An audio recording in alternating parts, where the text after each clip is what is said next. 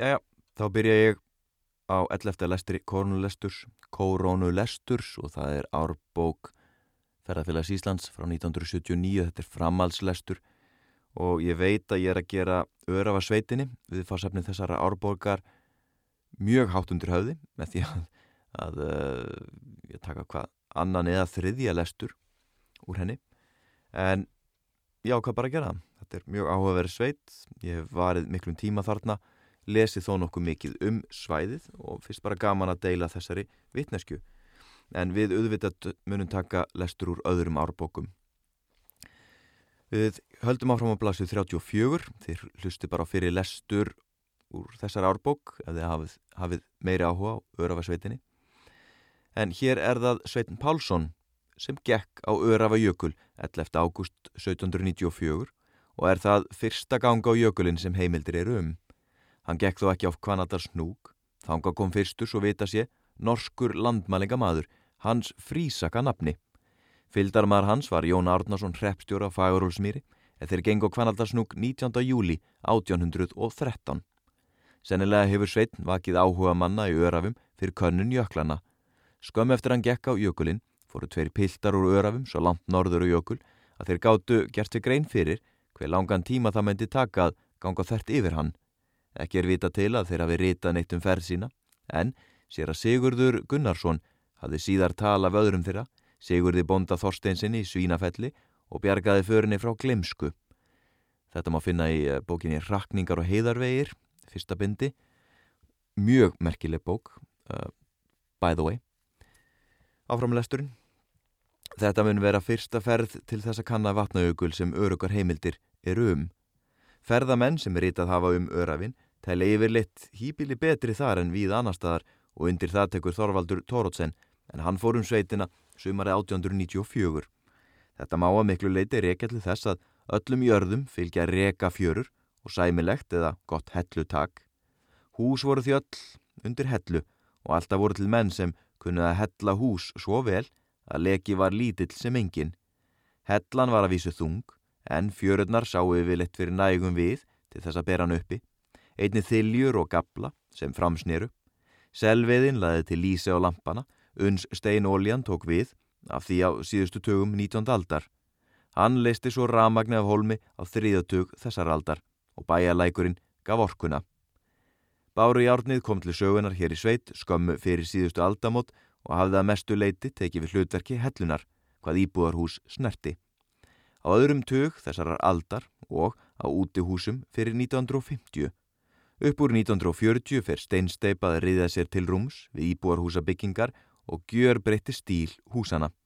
Með tilkomi fyrstu dráttavilarinnar 1946 fleiði túnræktinni fram, en þó sérstaklega þegar jarðýta kom til sögunar 1952 og skurð grafa fór að ræsa fram mýrarnar þreymur árum síðar. Nú er svo komið, allur heiskapur, er á ræktuðu landi. Bústopn hefur verið söðfje á samt kúm og rossum eftir þörfum heimilana. Á eldinni sem leið voru aðal sölu afurðir, ull og tólk. Svo virðist að söðfjárstopnin í örafum hafi skilað sæmulum arði miða við þær afurðir en þegar kjötið varð aðal innleggið var þetta lélegt afurða fjö. Á setni áratugum hefur þetta breyst með ræktun fjárstoppsins og betri viður gerningi. Lambaþungi örafum er nú ekki minni en víðast annar staðar á landinu. Ekki er und að gera sér neina öruga grein fyrir mannfjölda í héræði fyrir 1362. Ætla má að bæir hafi verið nokkru fleiri en þeir 24 sem heimildir eru um. Þeir gætu jafnvel hafa verið 40 eins og segir í biskupa annál. Líklegast hafa þeir ekki verið færi en 30 og ólíklegt að íbúar hafi verið færi en 200. Síðan hafa örafingar varðla verið fleiri en 150 að jafnaði. Meðaltala árana 1830 til 1960 er 187 manns en árið 1816 voru þeir aðeins 127. Á árunum 1870 til 1910 var tala íbúana yfir 200, flestir árið 1900 en þá voru þeir 238. 1960 voru þeir komnir niður í 156. Kaupstaðaferðir, örafinga, voru langar og erfiðar. Áður en einokun hófst munu þeir að vísu ekki hafa þurft að fara lengra en á höfn því að þar munu hansakaupmenn hafa haft bækistöð. Eftir það urðu þeirra sækja verslun á djúbavokk, uns einokunninni var aflétt. Þánga sóttu þeir verslun lengi eftir það eða til 1861 þegar verslunarskip kom fyrst á Papós. Þó breytust verslunahættir mjög eftir afnóm einokuna verslunarinnar því að þá gótu öravingar versla annar staðar en þeir vildu þó aðri verslunarstaðir væru ekki nær. Þeir höfðu löngum þann hátt á að kjósa einn eða tvo úr sínum hópi til þess að semja við kaupmannin fyrir sveitunga sína. Ef þeim fannst kaupmaðurinn ósangjarn fóru þeir stundum til Eskifjæðar og náðu þar oft betri kjörum. Stundum fóru þeir til Eirabakka og jafnvel einu sinni allarleið til Reykjavíkur. Ferðir þessar fóru öravingar alltaf í einni lest og munu það hafa verið einhver fyrstu versluna samtök hér um slóðir þótt óformleg væru. Það var ekki fyrir en 1918 sem öravingar fengu vörur fluttar í sveitina. Þá hóf skaftfellingur þanga ferðir, 60 lesta vélbátur sem þeir áttu hluti í, í félagi við vestur skaftfellinga. Fullkomna verslun fengu þeir ekki fyrir 1967 þegar kaupfélag austur skaftfellinga kom þar upp kjörbúð. Ég ætla nú bara að skjóta hérna aðeins inni að skaftfellingur til sínis í Viki Myrdalís á sapnu þar. Saga skaftfellingsbátsins er mjög merk. Þar að meðal björguðu björguðu þeir þjóðverum, þýskum nazistum í setni heimstyrjöld um, af kavbáti að með minnir að það verið. Og svo saga er alveg mjög áhugaverð. Einstök eins og margt annað í sakfræði landsins. Áfram með lesturinn, blasið að 36 tekur við Þessar vestlunarferðir kröðust mikillar fyrir higgju og urðu öravingar því raud þjálfaðir ferðamenn. Þeir voru aldir upp við að verða að sjá út vöð á jökulvötnunum því að varla komist þeir bæjar leið án þess að ár yrð á leiðinni. Þar voru síbreytilegar og sjaldan var hægt að treysta því að komast yfir þær að kvöldi þar sem farið var að morgni. Þeim lærðist því að sjá út hvar fært var hverju sinni. Ég vil að sjá á strömlæginu hvort áinn væri í herða þannig að rétt krakaði eða hún var á sund og óreið. Þessarar kunnáttu nutu ferðamenn sem um sveitina fóru og fengu flestir fyllt yfir vötnin begja megin sveitarinnar. Átti það jamt við hvort þeir sem fórum sveitina sumarlægi voru innlendir eða erlendir. Fyrir á tímum voru ferðalög aðalega vori eða snemma sumars og á haustin. Vinnufólk hafi vista skipti um krossmessu og skólapiltar af Östurlandi fóru um á haustin og kom aftur á vori. Alþingi var háði í júni og þeir sem þanga fóru af östfjörðum lögðu leið sína um örafinn. Eftir 1362 lág leið ferðamanna með bæjum í allir í sveitinni og menn gistu þar sem dag þraut hverju sinni. Oftast mun gisting hafa verið goldin með fréttum og nálaðum héræðum eða ef gesturinn var langt að komin með lýsingu á fjarlægu landshortni og háttum manna þar. Þetta þóttu raunar oft góð laun en ekki engungu til skemmtunar Menn kynntust líka, ímsu hagnýtu úr vinnubröðum annara hér aða, jafnvel húsagerð. Öravingar voru órægir við að prófa nýjungar og taka upp það sem þeim þótti betur fara. Ferðamenn sem skrifuðum sveitina fyrir árum minnast þess oft að öravingar séu frjálslegir í framgöngu. Þeir voru einat vanir að umgangast gesti og hafa mótast af því. Hérna ætla ég að skjóta smá personleiri minningu inni. Ég man að þegar ég heimsótti Helga Haldán kvískersbræður á kvískerum uh, fyrir svona 15 ár síðan ég kynntist þeim og árin eftir það, svona í 5 ár eftir það þá kíkti ég ótt við í heimsótið þeirra og reyndar allt þar til að þar til að uh, þeir dói, ég heimsótti Helga Helgi dói undan, Haldán dó síðastur sískina en uh, heimsóknum mínu til þeirra í gegnum árin þá sögðu mér frá þessu mikla gestagangi sem var uh, á kvískerum og þeir unnu með föðu sinum, ungir, við að ferja fólki yfir jökulsá. Þannig að þeir voru náttúrulega bara þarna, í framlínu sveitin að taka, taka móti gestum og meðal gesta var Kjarval. Kjarval kom og málaði þarna og ég manað þegar Helgi og Haldán eitt kvöldi yfir, yfir kvöldmatt sögumir voru að segja mig sögur af því hvernig þeir uppliðu hann þar sem hann var þarna út á túnu og, og var að mála og var með trönurnar og og það er náttúrulega margir áhugaverðir einstaklingar gestir sem hafa komið þarna og, og sett, já bara gefið mikið lit í, í hverstæðin og tilveruna og skemmtilega minningar og mikið að vísinda fólki sem að kom á kvísker og kvískers bræður hafa hjálpað ófáum vísindamanninum við rannsóknir uh, við og á vatnajökli. Ferðir þeirra í Esjufjöll, máabiðir eru ófáar gegnum áratugina. En já, ég var eða skjótu sinni og mér finnst bara gaman að, skemmtilegt að minnast þeirra bræðrana og ég ætla að vona að, og ég veit að þeirra minningu verður haldið hátt á lofti, þeirra fróðuleik og þeirra fræði mennsku. En við höldum áfram með frásögn Sigurðar Björnssonar. Varðla er saga sveitarinnar full sögð nýð þýðingu hennar gerð góð skil ef sleft er skip ströndunum við sandana framundan henni. Allir kannastu frásögn njálum af því þegar Kári Sölmundarsson braud skip sitt við Ingóls höða nálægt árinu tíu, afsakið, það leir þetta með það, nálægt árinu 1017 og er það fyrsta strand sem öruð má telja innan sveitar markana. Vafa löst hafa skip stranda öðru kóru við þessa sanda Allar þær aldir sem síðan eru liðnar. Flest eru ströndin glemt, enda varðla annálsvert, þó að skip stranda á þessum slóðum. Undantekning er þó strand hollenska austur Indiafarsins Hett Vapen van Amsterdam í septembermániði 1667. Ekki eigða þó annálar löngumáli um atbyrðin nema helst fytja annál. Þetta var stort skip og mannmart þó að tala fytja annáls séu til vill ónákvæm en þar segir að 140 hafi farist en 60 komist af.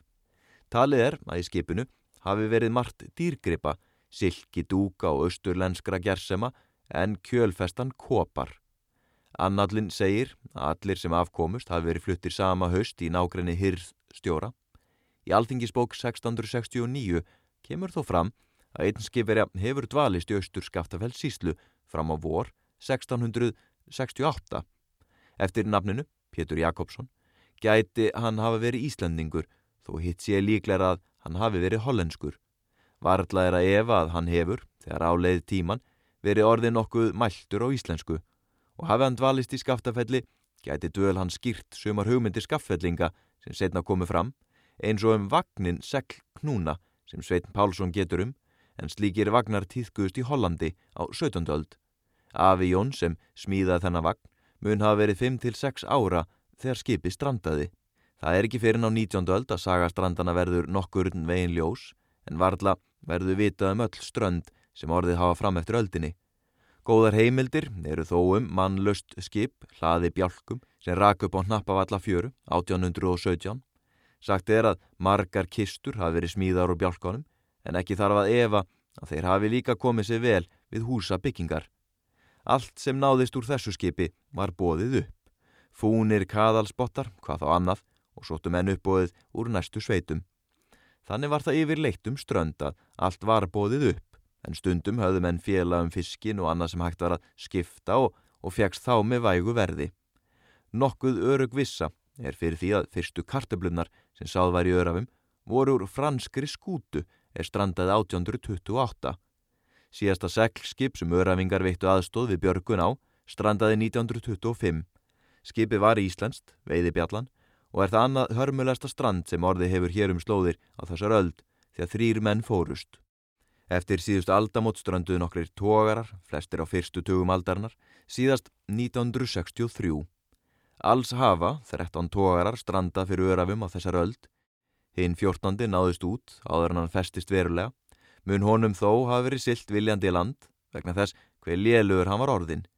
Grunur lék líka á að svo hefði verið um hinn síðasta. Eins og áður var vikið að fengu örafingar ímislegt sem kom þeim vel af ströndunum.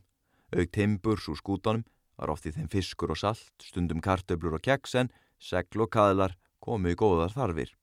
Kaðlarnir voru rækti sundur og fléttaðir eða snúnir í reypi og var algengt að menn komið sér upp tækjum til þess.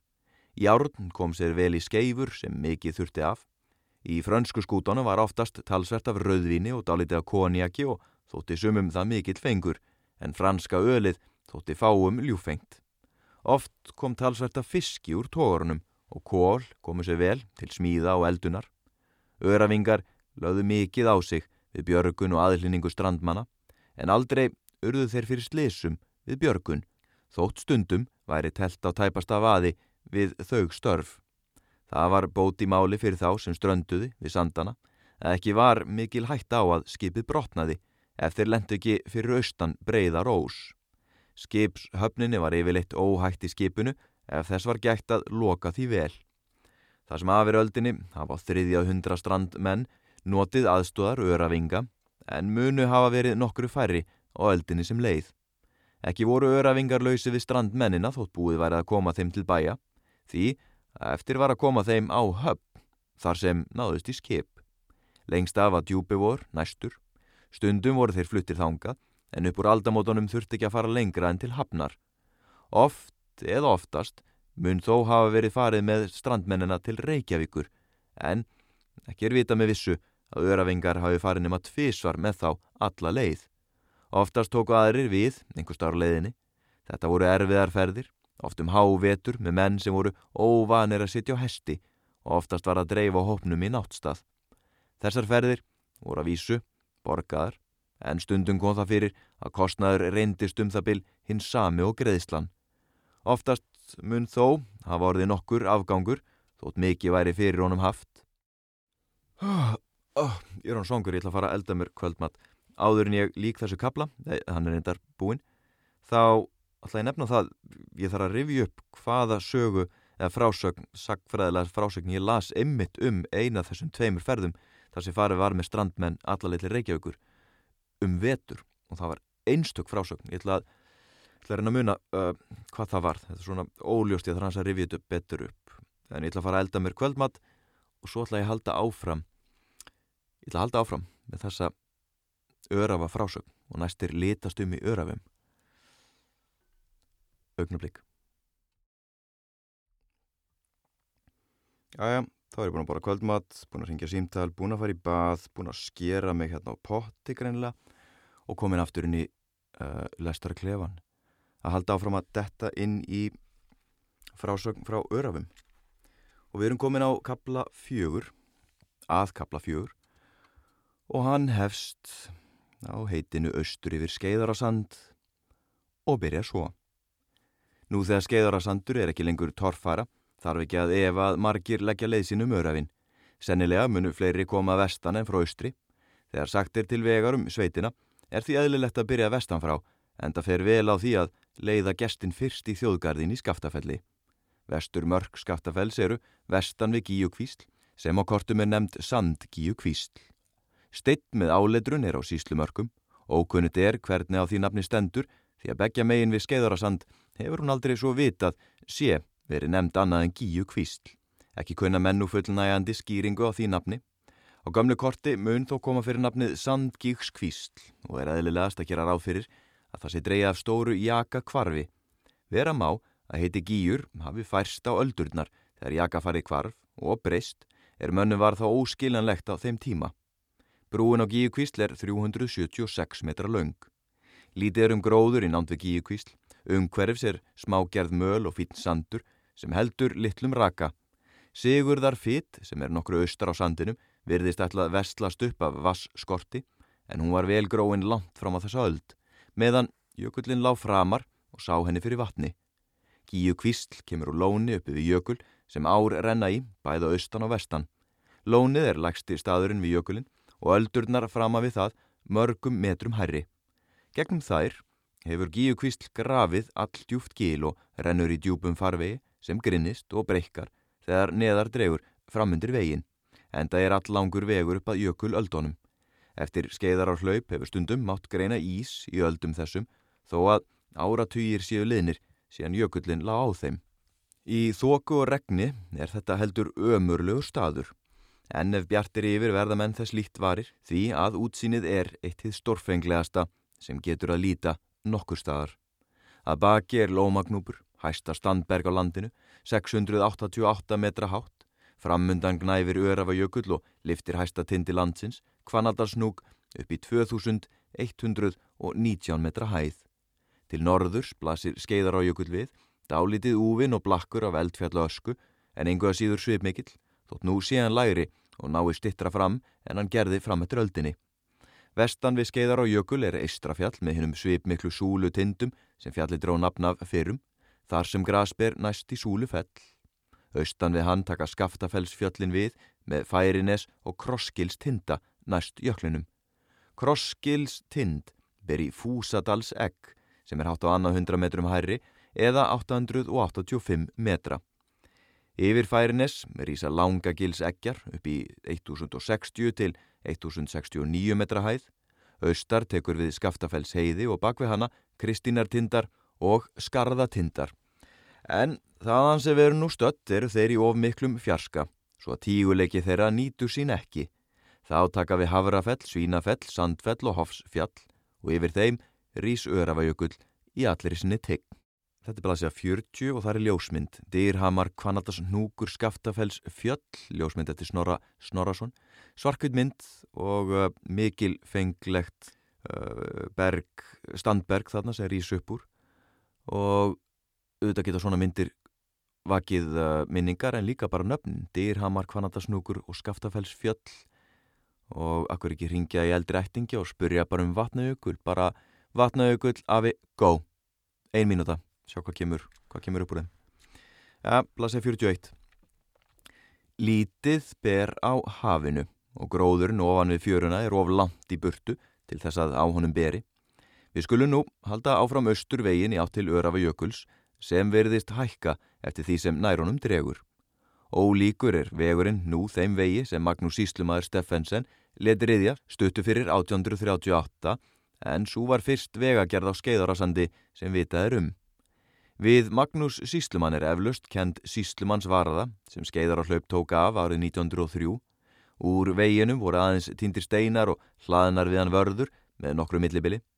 Nú er veginum ítt upp og hann ofan í borin svo bílar geta farið hann við stöðulegst. Áður en bílvegurinn kom var farið miklu ofar um sandin og var leiðin þar á kapla alþakin jaka kvörfum.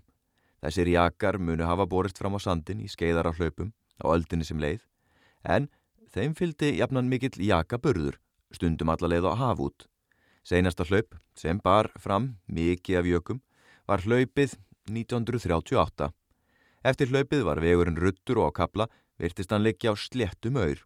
En um 1950 var það færa veginn þegar stór landsbylda seg niður.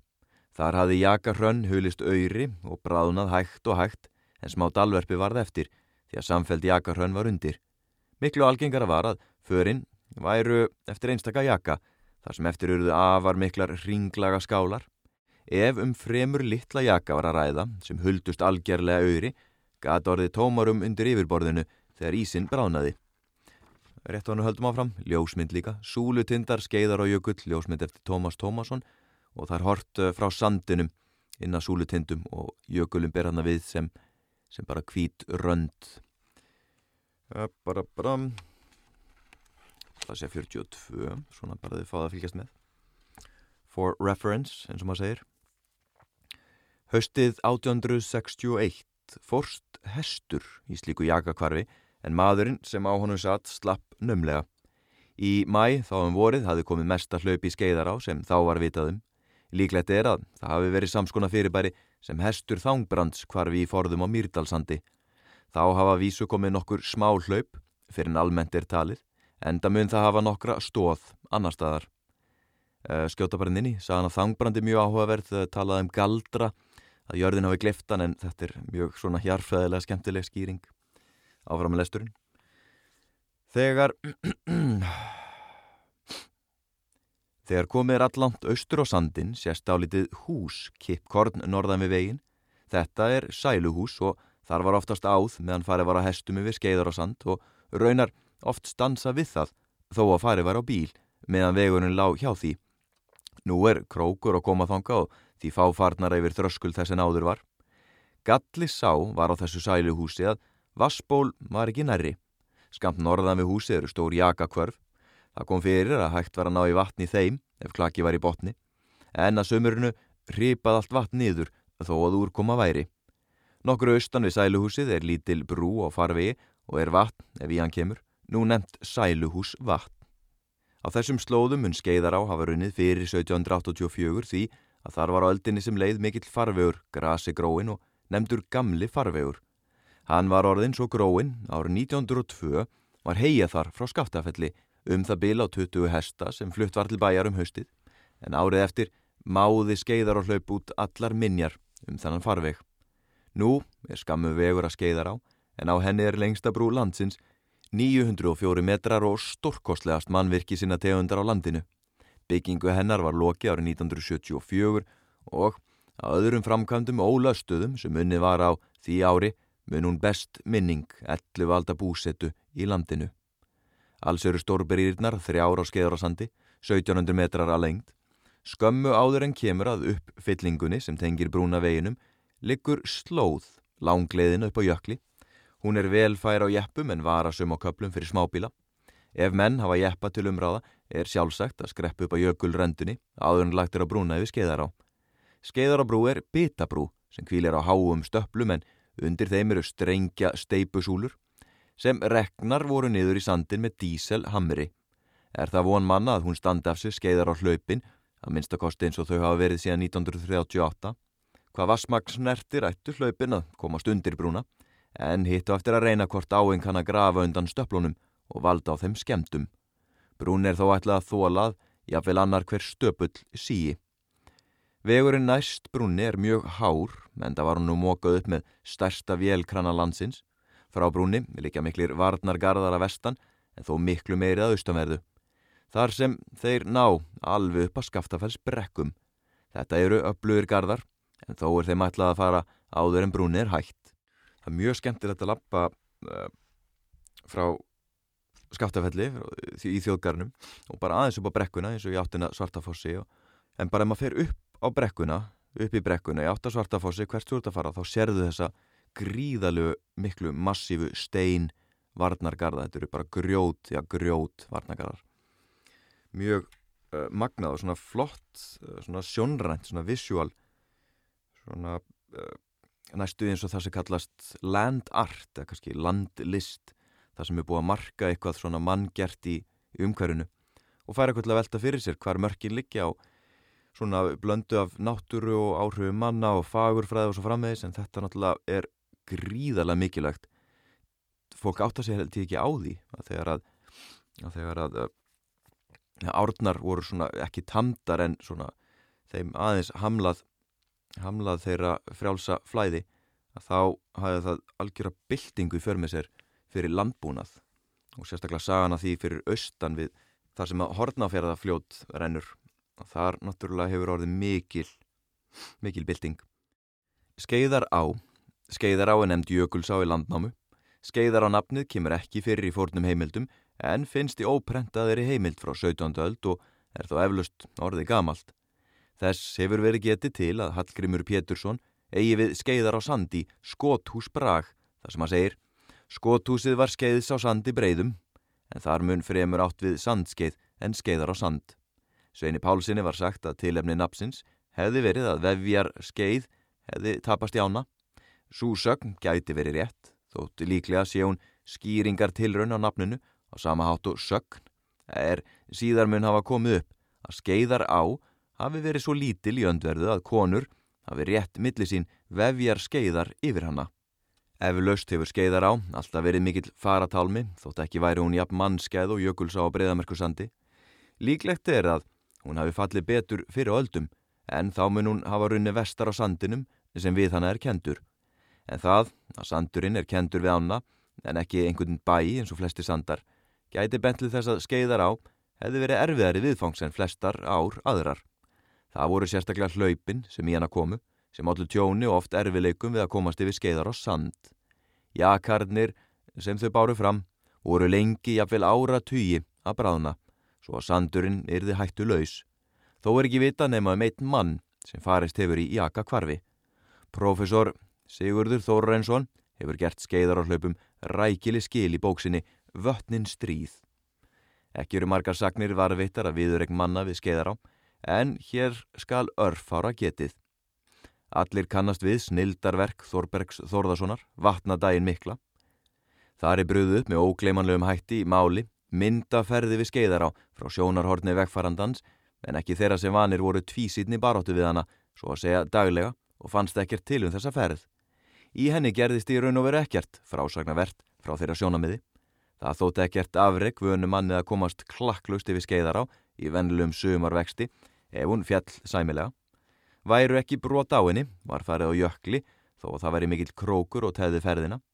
Um þessa ferðir voru ekki saðarneina sögur, ef ekki kom eitthvað sérstatt fyrir. Sem betur fór, urðu sjaldan banaslis í skeiðar á, nema þá að veldum hlaupa og þau furðu fá. Ef til vill, allir það nokkur um að slis urðu ekki fleiri en raunbar vitni, að venja var að hafa tilbúin viðar köst í skaftafelli. Í honum var kveikt ef þess varð vart að áinn væri byrjuð að hlaupa. Hraðbóði var líka sendur um sveitina að vara menn við, svo að þeir getu bjarga gripum sem í hættu voru. Stundum á að gera ráð fyrir að þetta hafi kvart menn sem koma vestan til þess að hraða försinni eða snúa við.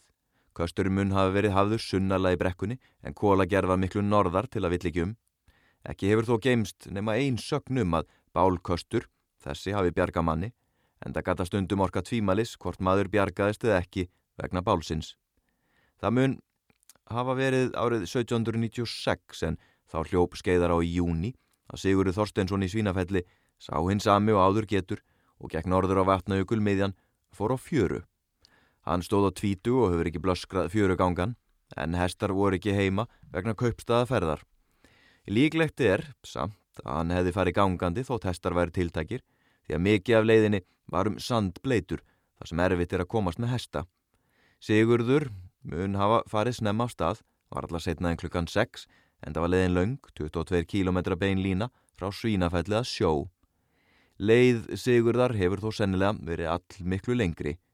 Ekki er vitað hvar skeiðar á rann til sjávar á þeim árum, hvort hún rann austan eða vestan við Svínafellsfjöru, en Sigurður var máur bondans í skaftafelli og því líklegt að hann að veitni alltaf að líti eftir reka fyrir hann.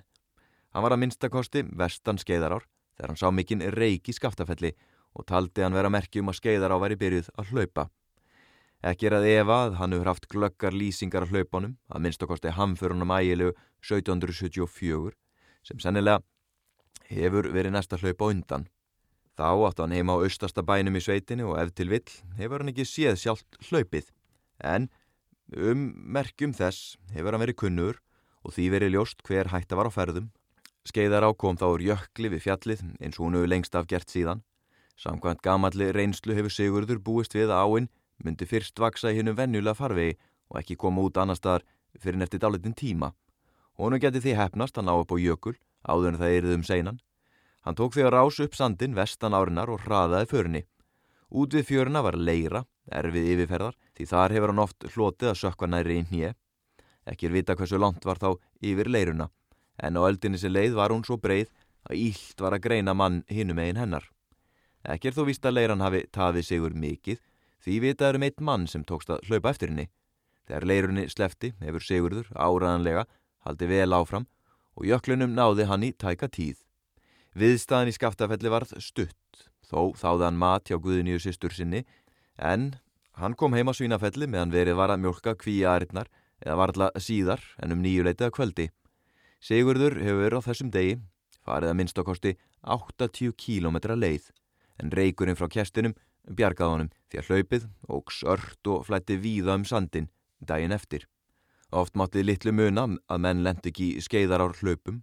Sonar sonur Sigurðar, Sigurður Jónsson í Svínafelli var eitt sinn á ferð vestani við sand. Sá hann þess þá merki að hlaup myndu byrjaði skeiðar á Ekki fylgir það sögunni hvort hann sá reykja mökki skaftafelli eða lita breyting á háöldu kvísl. Með honum var kona en ekki er vitað en fleiri samferðamenn.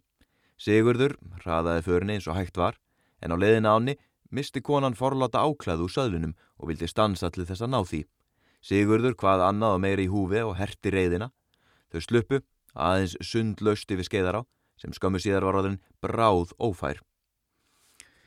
Það er rétt á henni held áfram, ég ætla að benda hérna á ljósmynd sem er á blaðsju 46, einstaklega falleg uh, ljósmynd, svart-hvít, öruglega svona frá, hvað að segja, 1910, ekki 20, skýti á, og myndatekstin er farið á jökli fyrir upptök skeiðar ár, í baks sín, Mórsárjökull, skarðatindar til hæri, ljósmynd Páll Jónsson. Og það eru hestar, það eru fjórir, það eru fjórir hestar og þrýr fjóri menn að ganga á jökli. Það mun hafi verið vorið 1851 að maður nokkur reið skeiðar á sem var byrjað að hlaupa. Þetta var ferð upp á lífið að dauða því að maðurinn sem kom að vestan sá að áinn hlauta telast ófær. Hann tók það ráð að binda sig við hestin, svo að eitt skildi við báða ganga og laði ána. Hesturinn var tröstur og skilaði þeim yfir, þó að þeim sem á horðu frá skaftafelli þætti það með ólíkindum. Á skaftafelli fekk hann góðar viðtökur í Þorsteini Bonda Bjarnasinni, Ava Otts Magnússonar. Þorstein skoðaði hestin vandle og spurði hvort maðurinn væri til með að selja hann. Hann svaraði því til að svo hátt mætti bjóða að hesturinn væri falur. Þá sagði Þorstein, það var nú raunar ekki meiningi mín að fala hestin, en væri ég í þínum sporum seldi ekki þennan hest og reynda að sjá um að hann ætti gott eftir leiðis. Í sögu þáttum landpóstana eru nokkra sögur um svaðilfarið þeirra á skeiðar á sandi, en ekki vera þær sagðar hér. En vel hefði mátt geta þess þar að þeir sem höfðu postflutningana fengu ofta aðra menn til þess að fara postferðirnar. Jón Guðmundsson á Kvóli í fljótskverfi var eitt þeirra. Hann fór margar postferðir á vegum Stefáns Þorvaldssonar og þótti hinn örugasti vatna maður.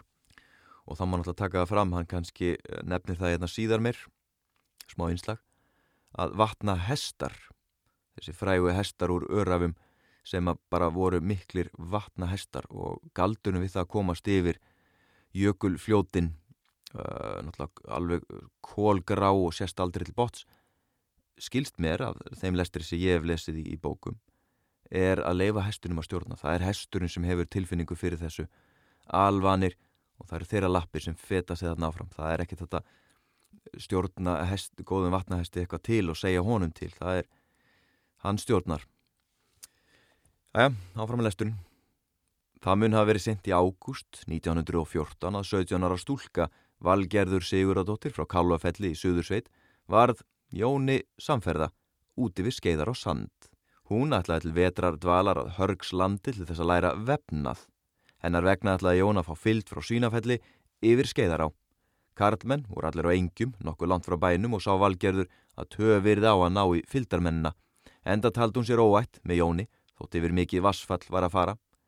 Jón vissi að valgerður var kjark mikil og dugleg. Hafði hann gengið úr skugga um það á leiðinni yfir breyðamerku sand. Var því úr að þau löði á sandin, fyldar laus. Þegar að skeiðar á kom, fjall hún vel og var breið. Sá Jón að hún myndi víðast ekki vera meira enn í hvið. Þó var skora við vesturlandi sem varða krækja fyrir og myndi þar nokkuð djúft. En vestu við skoruna var Eyri sem rétt vatnaði yfir. Það varð úr að Valgerður fór þanga með Jónu og ætlaði að býða á Eyrinni meðan hann færi yfir með kofforta hestin en til þess þurfti hann að fara allant upp eftir ánni og það er hérna myndir Svartifoss í e, litljósmynd gríðalega fallett stuðlabergi þar. Og svo er skeiðarabrú í Svarkvitu skeiðar og hlaup frá september 1976 ljósmynd Sigurður Þorrænsson Valgerður fyldist vel með ferð Jóns en gætti þess ekki sem skildi að hesturinn sem hún sata á væri kyrr. Því að vestan eirænar smá dýfkaði á hennu og fjalli flugströym eftir mjóum ál að bröttum vestur bakkanum Þegar Jón var nærri komin fyrir skoruna, vissi valgerður ekki fyrir til en að hennar hestur var komin vestur á grinningunni og fleiðist á hróka sundið að bakkanum hinum einn. Þegar að bakkanum kom virtist valgerði, hesturinn, alltaf kastast aftur yfir sig því að þar var of bratt upp til þess að næði fótfestu og sundið bakkan. Valgerður þreið þannari hendin í ennistopp hestins, hendi sér framaf og tókst að komast upp á bakkan. Ekki sleft um tömnum og hjælti hestin svo hann rætti ekki niður ána. Valgerði var litið til Jóns þegar hún hafi fast landundið fótum. Sá hún að hann stendi beint til lands og tók áinn hestunum í takl kvarf. Hann hafi þá lagt í skoruna, þótt ekki mætti miklu mun að áinn væri þar ófær. Jón var fljótur og komast til Valgerður og kifti hestinum upp úr áni, en það var hann annalað heljarmenni að kröftum. Ekki þótti Valgerði Jón áarpa sig af mikilli vorkunsemi, því að hann saði um leið og fundum þeirra bara saman, það held ég að þú sett baneitra kvikindi. Ekki tók valgerðu þetta ítla upp, skildi að þessu var mikið hrósfólkið og Jón hefði orðið alvarlega hrettur um hana en kærðis ekki um að hafa mörg orðum það hver fegin hann var að þetta fór vel. Eftir þetta gekk ferðin tíðenda löst. Jón let þó valgerði býða austan við núpsvötnin meðan hann fór með kofforta hestin yfir en sótt hann á svo þó að valgerður teldi sér óhætt að fylgja honum eftir strax. Þetta er eh, rétað upp úr frásögn valgerðar Sigurðar Dóttur. Sjálfrar. Svo er þetta myndir. Það eru tvær gríðala fallar litmyndir í Skaftafells heiði.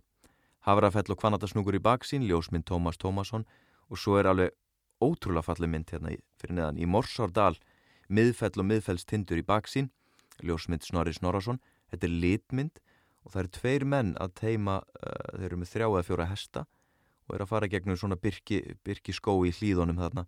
Og þeir horfi átt að myndaðalinn og það er eitthvað alveg einstaklega fallið til þessa mynd. Ég get bara ekki alveg analýserað hann á lístinni áinn fellur þarna um, um ljósgráa auðrana fyrir neðan. Fjöllin í bakgrunni með snæfi eða svona, þetta er um, um vor. Bara fallegar myndir. Spurning hvort ég fá að leiði til að taka myndir eða svona posta svona örfa á myndum. Við tjekkum á því vona ég ekki gengi á langt þarna gengi á lægi eins og maður segir Jæja, eftir þetta gekk ferðin tíðanda löst. Jón let þó valgerði býða austan við núpsvötnin meðan hann fór með koffortahestin yfir. En, sótt hann að svo, þó valgerður teldi sér óhætt að fylgjónum eftir strax. Ég var að lesa þetta á hann. Frægasta ferði við skeiðar á og raunar alveg einn stæð var farin 31. mars 1934. Ég ætla að hafa smá þögnina og leifa ykkur að segja mér hver þetta var. Við erum hérna dottin í útsvar. Getur betur. Þetta var Hannes Jónsson á Núbstað. Póstur, eh, landpóstur. Þá fór Hannes Jónsson á Núbstað vestur yfir skeiðar á jökul meðan hlaup frá Grímsjötnum var í Hámarki. Áður, 1892, hafði Stefan Þorvaldsson ætlað þessa leið í sömu erendum en orði frá að hverfa vegna veðurs. Þessari ferði er líst í sögu þáttum landpóstana og er lýsingin og brefi Hannesar til Viffúsar Guðmundssonar. Hann hefur vantalega skrifað hana þegar farið var að sapna efni í söguþættina. Hann er skrifað einni um þessa ferð fyrir Ragnar Áskersson og byrtist hún síðar í skruttu. Frásögnin er þar talsvert fyllri, enda er tekið fram í söguþáttum að eitthvað sé felt niður og öðru viki við. Flestu ber saman í báðum frásögnunum, en einhverju skeikur um tíma í söguþáttunum. Af þeirri frásögn virðist líka með að ráða fyldar mennirnir hafi farið skemra en þeir fóru, en rétt er frá þessu sagt í brefinu til Ragnars, enda mun svo frásögn skrifuð skömm eftir að förin var farin. Ljóst er að Ragnar hefur spurt Hannes rækilegum ferðina, fáum dögum eftir að hlaupið fjaraði. Þetta er alveg frábært þetta. Hérna. Þessa ferð nefndi Hannes ómerkil. Þessa ferð nefndi Hannes ómerkilega gunguferð, en það var hún ekkert erður en margar aðra ferðir sem að fór og ekkert afreg, hans tómi. Þetta, ég get þetta ekki. Ekki var hann verra á sig komin eftir ferðina sem lauk klukkan tvöðan nótu en hann fór sjálfur með postina kirkjubæðaklaustri mörgun eftir ég græt og hvað tó vel fengi annan í þá ferð.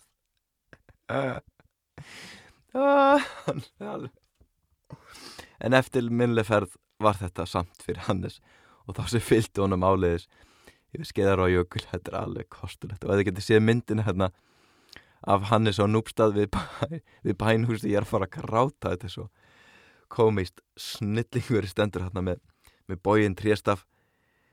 Aðru leysið uppmála alveg sultu slagur og föttina sér eru svo flott og töff og hann er með hatt og hann er bara flott skeggjaður kallinn Vá þetta var einstakt ég hef, alveg lesið um þetta en það var eitthvað við þessa frásökk sem að gerða hana alveg í, alveg Iconic, iconic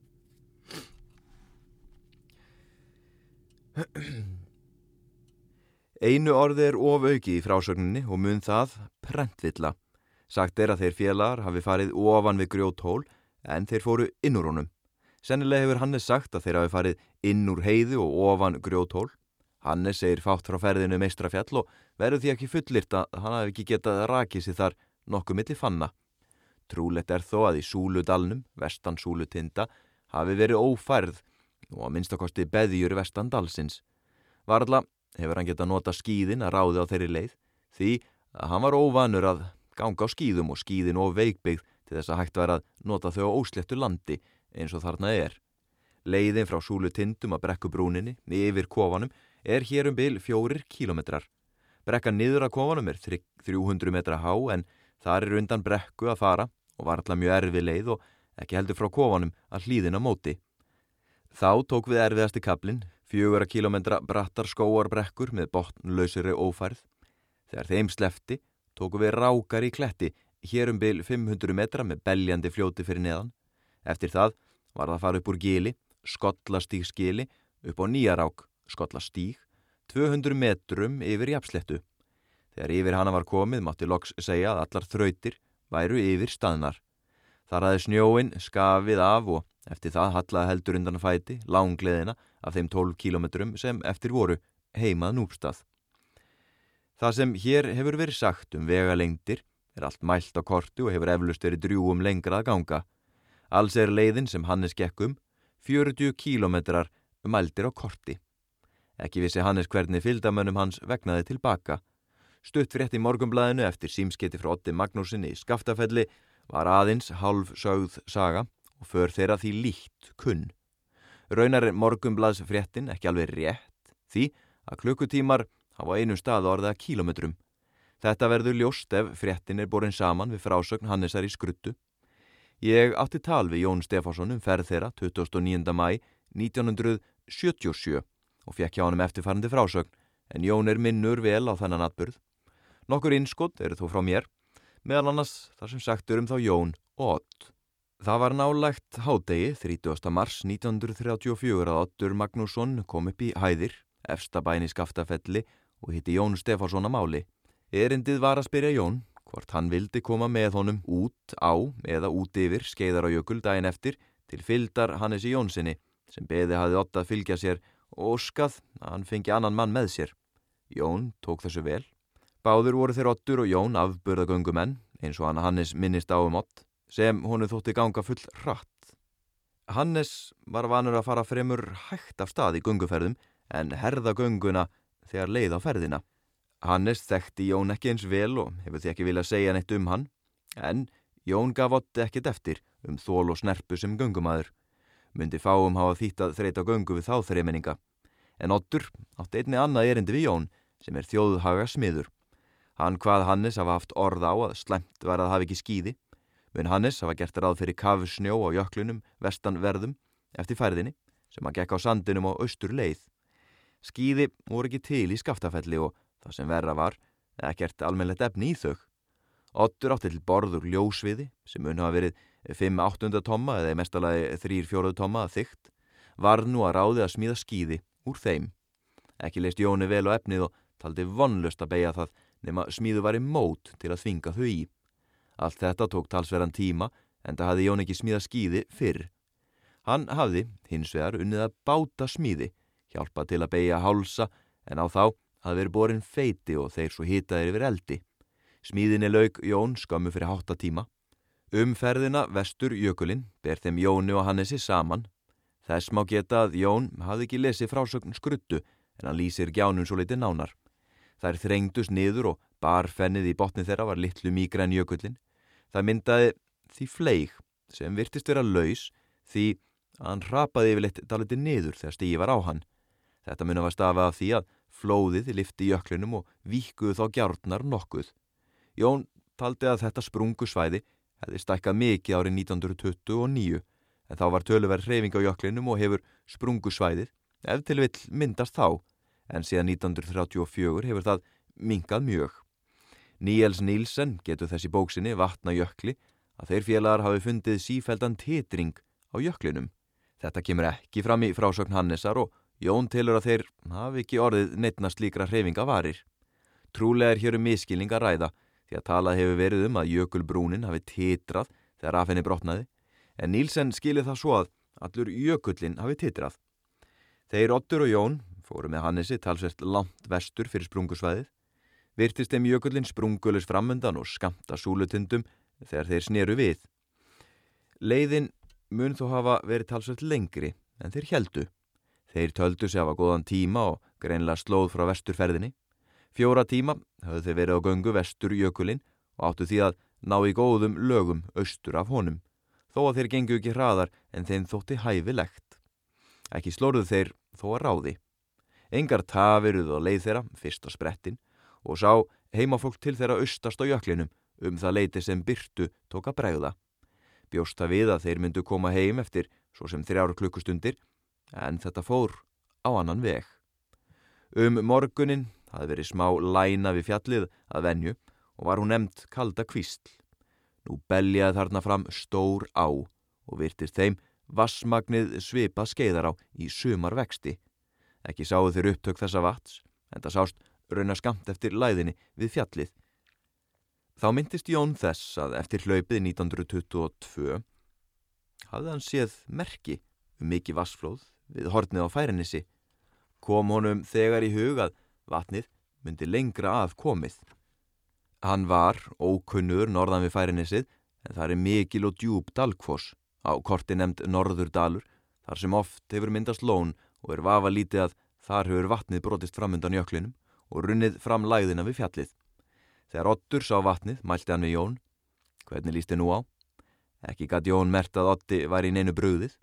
Jón hvað óvíst að þeir næðu heimum kveldið en enga hættu á ferðum þó þeir eruð að hafast við á jöklinum en spyrti af degi. Þeir varu velbúnir og veður gott og vatnið er ekki fjarað að morgni sem óvíst erði því að enga breytingu sáðu þeir á hlaupinu, gætu þeir farið vestur yfir jökul.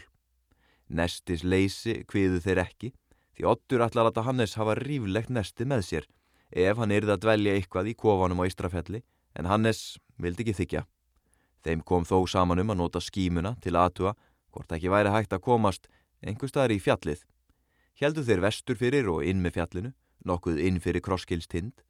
Þegar þánga kom, blasti við þeim gífurlur fossagangur við hortnið á færinessi og hafi stort lón myndast framundan því, færinesinu.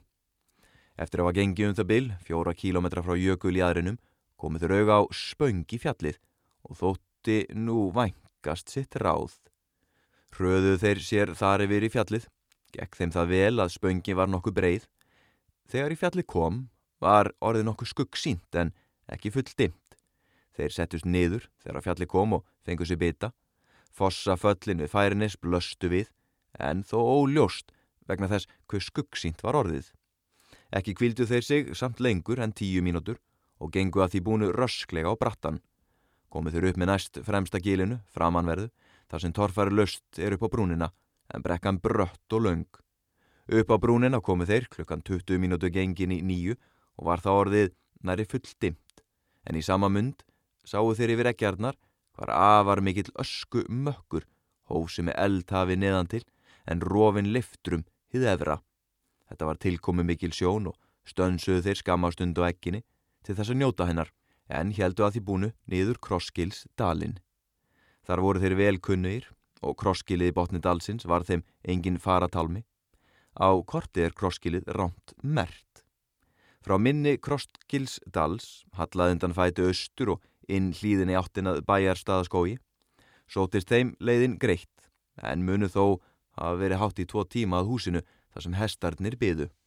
Þeir fóru sömuleið tilbaka um Mórsardalin og þeir komu um morgunin og vatnið áni var óbreytt. Hestarnir voru heimfúsir, en vegur ekki svo gerðið fara, hartirðið farið. Heim komu þeir löst fyrir klukkan eitt um nóttina og varð heimafólk feið komu þeirra, en það vissi það ekki hvað tafði för þeirra frá því að sást til þeirra á jöklinum og áttu þeir þá að vera löngu komnir.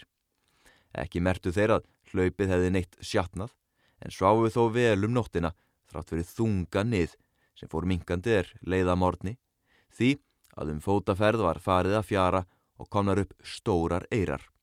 Ég ætla að segja þetta gott uh, heitið. Þetta er komin að blaðsíðu 55 og það er svolítið erfitt náttúrulega að hætta þegar maður er komin svona inn í ákveði landsvæði eins og núna við erum byrjað að lesa alveg bara uh, Lón og Dón frá Örafanum.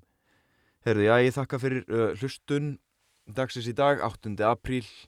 Þetta er korunulestur, ég þakka fyrir mig, Svári Jóndansson og ég bara minniðu þetta á að uh, ef þið hafið hlusta alla þessa leið að nýta tækifærið og hugsa um eitthvað spurningar til eldri ættingja. Ja, umræðefni, bara ég vil segja það frá lesturinnum en spurjaðum Hannes Landpost og þeirra svona minningar frásögnum eða þau hafa kannski lesið í bókum. Og svo eins og segi bara örafinn, bara nota örafinn og ferðir þangað og, og sagnir þaðan sem samtöl við eldri ættingja. Ég tönglast á þessu, ég veit að vegna þetta er konsept á þættinum og ég tel þetta kannski svona eina verðu að við þennan þátt, ja, við þessa lestra ekki eina, ætla, það er nú bara bull en það er svona allan grunn, grunn hugmyndina mér ef þetta er til þess að þið ringið í eldri ættingi á þessum tímum uh, COVID-19, koronaveiru eins lengið að stutt sem þetta mun vara og bara aðeins að stitta þeim stundir í spjallum eitthvað annað heldur en, heldur en veiruna. Það er grunnhugmyndin. Ég tönglast á þessu, ég mun endur taka þetta aftur og aftur, þá engallega þessi uh, lestur hættir. Hafðu það gott.